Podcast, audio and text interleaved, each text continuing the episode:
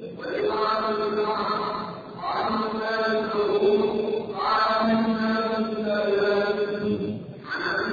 you.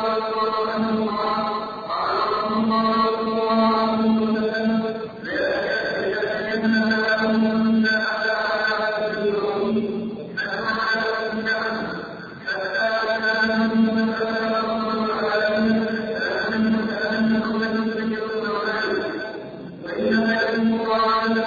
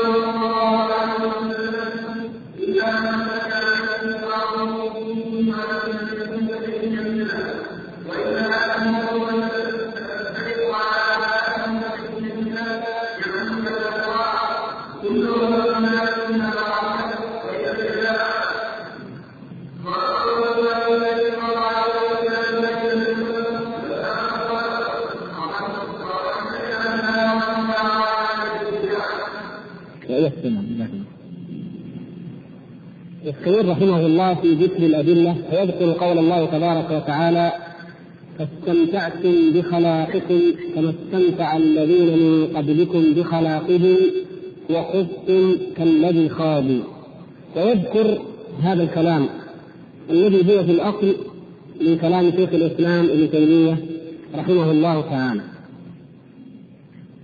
وإن كنت لم أقصد موضعه من كلامه لكنه قرأته له رحمه الله بما هو أوسع من ذلك. نعم. لا مسألة تفسير الآية. وهو أن الشبهات والشهوات هما مصدر الشر يقول كما الخلاق النصيب ويستدل على ذلك بآية البقرة يوجه آية التوبة وما له في الآخرة من خلاق. أي الحظ ما له في الآخرة من حظ. وبهذا وأمثاله مثل هذه الآية يستدل على كفر السحر مثلا. نحن نعلم جميعا أن المؤمن الموحد له في الآخرة خلاق له فيها حظ وإن كان بعد أن يعذب عافانا الله وإياكم. قد يعذب في النار ما شاء الله إن لم يعفو عنه وإن لم يشفع فيه نبيه صلى الله عليه وسلم وغيره لكن مصيره لكن مصيره إلى الجنة في النهاية أما الذي ليس له في الآخرة من خلاق فهذا هو من؟ الكافر. كما قال تعالى أولئك الذين ليس لهم في الآخرة إلا النار. إذا هؤلاء كفار. ليس لهم إلا النار لا يمكن يكون ذلك في المؤمنين الموحدين. أبدا. وكذلك فمن الناس من يقول ربنا هؤلاء هؤلاء الصيف الذين ذكر الله تعالى صيفان الناس في الحج في شرف الحج صيفان الصيف الأول فمنهم من يقول ربنا آتنا في الدنيا حسنة وفي الآخرة حسنة وقنا عذاب النار. هؤلاء أهل الإيمان. وأما الآخر الصيف الآخر ماذا يقولون؟ ربنا آتنا في الدنيا وما لهم في الآخرة من خلاق. الذي يقول اللهم اعطني وافعل وارزقني آه، مثلا في الدنيا وليس له في الآخرة خلاق. هذا لا يكون مسلما لأن هذا هو دعاء كفار قريش. كانوا يحجون لكن يدعون الله في البركة في الرزق في كثرة الأولاد في الانتصار في الحروب. ولا يدعون الله فيما يتعلق بأمر الآخرة. كما أخبر النبي صلى الله عليه وسلم قال إنه لم يقل رب اغفر لي خطيئتي يوم الدين. هذا الفرق. نعم كان ويكرم كما قال رضي الله تعالى عنه من المؤمنين كان يكرم الناس ويقري الضيف ويفعل. قال إنه لم يقل يوما رب اغفر لي خطيئتي يوم الدين. نعم. أيوه. فكان اذا إيش؟ كان يأخذ نصيبه أخذ نصيبه في الدنيا وقد قيل كما يقال للمجاهد المرائي للقارئ المرائي للمنفق المرائي فيقال له إنما فعلت ليقال جواب إنما فعلت ليقال قارئ إنما فعلت ليقال جريء وقد قيل. فهذه الأعمال ليست لله ياخذ صاحبها نصيبه في الدنيا. الشاهد من هذا فالله سبحانه وتعالى يقول ولقد علموا في ماذا؟ في السحر. ولقد علموا لمن اشتراه ما له في الآخرة من خلاق. اذا الذي يشتري السحر الذي يتعلم السحر ويعلمه هذا يكون حكمه الكفر. نسأل الله العفو والعافية. لماذا؟ لأنه جملة الأدلة على ذلك غير ما في الآيات التي قبلها أنه قال ولقد علموا من اشترى ما له في الآخرة من خلاق فلو كان من أهل الإيمان والتوحيد لكان له حظ ونصيب. فالشاهد نرجع كلامنا هنا أن الله سبحانه وتعالى جعل من لكل البشر حظا من الدنيا ونصيبا من الدنيا ولكن لا يجوز أن يؤتيه ذلك العمل للدار الآخرة. وابتغ فيما آتاك الله الدار الآخرة إيه؟ ولا تنس نصيبك من الدنيا. هكذا وعظ عباد الله الصالحين ذلك العبد الذي أنعم الله عليه وكفر بنعمته وهو قارون. نعم. لكن ما الذي يحصل سنة. سنه ذكرها الله تعالى هنا سنه ربانيه سنه في, في, في الاجتماع في حياة الناس. ان الأمم قبلنا فعلتها فعلت ونحن على آثارهم. فاستمتعتم بخلاقكم كما استمتع الذين من قبلكم بخلاقهم. هذا أول مصيبة وقعنا فيها متابعين الامم التي قبلنا. والأمر الآخر وخبتم كالذي خاضوا استمتعتم بخلاقكم أي اشتغلتم بالشهوات بنصيبكم من الدنيا بحظكم من الدنيا اشتغلتم به فأشغلكم وأغفلكم عن الله عن الموت عن الحساب عن اليوم الآخر عما امامكم من الأهوال وعما وراءكم فنسيتم ذلك كما فعلت تلك الأمم. وخذتم كالذي خاضوا كالذي خاضوا له احتمال احتمالان فيه تحتمل معنيين إما لما نقرأ كلام الشيخ هنا وخذتم كالذي خاضوا أي كالخوض الذي خاضوه. كالخوض الذي خاضوه. يكون العائد هنا الضمير الهاء. خاضوه. لاحظتم الفرق هنا في عندنا خاضوه. خاضوه هذا الضمير يسمى في اللغة إيش؟ العائد. يعود على أي شيء؟ على اسم الموصول عادة العائد يعود عليه كالخوض الذي خاضوه. إذا هذا الاحتمال الأول. يعني خاضوا في أشياء فخذتم خوضا مثل خوضهم هذا المعنى الأول. والمعنى الثاني أو كالفوز أو الصوف أو الدين الذي خاضوا. ما فيها الذين إيش؟ فتكون الذي هنا بمعنى إيش؟ الذين على الاحتمال الثاني تكون الذي بمعنى المدينة. خذتم كالذين خاضوا. أو المعنى الأول خذتم مثل خوض الذين الذين خاضوا. يعني إما تابحتوهم تابحتم الخائضين أو فعلتم فعل الخائضين. فالمعنى متقارب ليس هناك كبير فرق.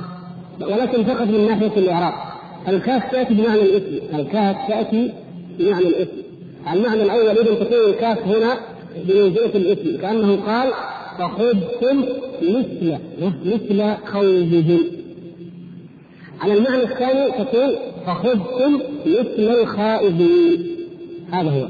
الخوض الخوض هو العمل الباطل المتكلف الرديء.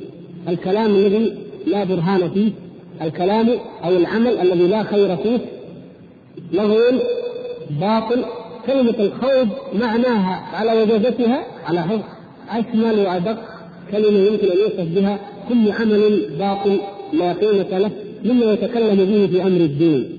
ولهذا نهينا عن الجلوس مع الذين يخوضون. وإذا رأيت الذين يخوضون في آياتنا فلا تقعد معهم حتى حتى يخوضوا في حديث غيره. لاحظوا انه حتى لو تكلموا بحديث آخر هو أيضا خوض لأنهم الذين لا يؤمنون بالآخرة لا يؤمنون بآيات الله كل كلامهم خوض لكن يخوضون في أمرين إذا خاضوا في آيات الله لا تقعد معهم. فإذا خاضوا في الدنيا يمكن لاحظتم كيف؟ هو خوض كله خوض. حتى لو كان في أمر من أمور الدنيا النافعة هو خوض لأنه مقطوع الصلة بالآخرة. لكن المؤمنين المسلمين إن تكلموا في الدين فهو بالدليل فليس بخوض وإن تكلموا في الدنيا فهو خوض ليس بخوض ما داموا يؤمنون لأنه مما يعينهم على طاعة الله ويقربهم إليه. فإذا يقول جمع سبحانه بين الاستمتاع بالخلاق وبين الخوض أمرين جمع بينهما الله سبحانه وتعالى في هذه الآية. انظروا الحكمة التي استخرجها رحمه الله قال لأن فساد الدين إما في العمل وإما في الاعتقاد. إما أن نخوض في أمر الدين والعقيدة مثل ما خاضوا وإما أن نعمل مثل ما عملوا يعني في الاستمتاع بالشهوات فالأول من جهة الشهوات والثاني من جهة الشبهات الاستمتاع بنقيض بخلاق الدنيا هذا من إيش؟ الشهوات والخوض في امور الدين بغير علم هذا من جهة الشبهات فهلكت الأمم قبلنا بذلك. ومن أنزل الله تبارك وتعالى اليهم هذا القرآن وهذا الخطاب هلكوا بمثل ذلك. يحذرنا الرسول صلى الله عليه وسلم كما في الأحاديث أننا سنقع في مثل ذلك. استمتعوا بالشهوات ونسوا الآخرة فإذا استمتعوا بخلاقه وكم خلاق الدنيا؟ كم؟ كم هذه الدنيا التي يخوضون فيها؟ كم؟ لو كانت تساوي عند الله سبحانه وتعالى جناح بعوضة ما سقى الكافر منها كربة ماء إذا كم؟ كم نصيب الواحد منا من جناح البعوضة؟ كم نصيب أمريكا في جناح البعوضة؟ إذا كانت كل الدنيا بما فيها لا تعدل جناح بعوضة. ومع ذلك يتهافت الناس على الدنيا خاض الأولون ويخوض الآخرين. الآثريين البابليين الفينيقيين الكنعانيين أمم قبلنا وعاد وثمود وأصحاب الرس وقرونا بين ذلك كثيرا والذين من بعدهم لا يعلمهم إلا الله. كم من أمم نعلمها ولا نعلمها في التاريخ؟ خاضوا والفراعنة خاضوا. ثم جاء من بعدهم أيضا هذه الأمة. بعد فارس الروم الامه الثانية فارس الروم فخاضوا. ثم جاءت هذه الأمة فخاضت كما خاضوا. شهوات ومتاع يشتغلون بزخارف الحياة الدنيا. وينسون الله وينسون الآخرة. ولهذا لما جاءت الغنائم من البحرين واجتمع على النبي صلى الله عليه وسلم جمع غفير من الصحابة على غير العادة ماذا قال لهم صلى الله عليه وسلم؟ هو ما بين لهم أنكم جئتم أو اجتمعتم من أجل أن أبا عبيده قد قدم من هجر من البحرين. قال من الفقر اخشى عليكم؟ هو يخشى علينا النبي صلى الله عليه وسلم يخشى علينا. هو بالمؤمنين رؤوف رحيم. لكن يخشى علينا الفقر؟ لا. ما الفقر اخشى عليكم؟ هو حريص علينا. يخشى علينا من أي ضرر لكن ما الفقر اخشى عليكم؟ ما الذي قال ولكن أخشى أن تفتح عليكم الدنيا كما فتحت على الذين من قبلكم فتتنافسوها كما تنافسوها فتهلككم كما أهلكتكم. يخشى علينا من الخوض من الاستمتاع عفوا من الاستمتاع بالخلاق كما استمتع الذين من قبلهم من قبلنا بخلاقهم. هذا الذي يخشاه عليه النبي صلى الله عليه وسلم أشد مما يخشى علينا الفقر. ولهذا ربما رأى الناس أن الفقر قد يعطي الإنسان حسن خلق قد يعطيه الإحسان إلى الآخرين قد يعطيه الشعور بحاجة إخوانه المسلمين. لكن إذا في حالة الغنى يكون التحاسد والتنافس حتى أن الذي يملك الملايين يحقد على الذي يملك ملايين أكثر منه. وينسى نعمة الله عليه أنه فضله على كثير جدا ممن لا يملك قوت يومه. ما يذكر هؤلاء. لا يتذكر إلا الشركة المنافسة أو الشخص المنافس فقط همه وفكره في ذلك. فيهلك الجميع يتنافسونها حتى يضطر أحدهم إلى أن يجمع الحلال مع الحرام لينافس ذلك الآخر. وهذا مع الأسف حتى أصبح بين المسلمين وشأنهم اليوم. جمع أكبر كمية تحقيق أكبر إنجاز في المبيعات في الربح في الكسب بأي طريقة لا يفكرون. والنتيجة ماذا تكون؟ يخسر الجميع. ويهبط سوق الجميع. لأن هذه هي سنة الله. فتهلككم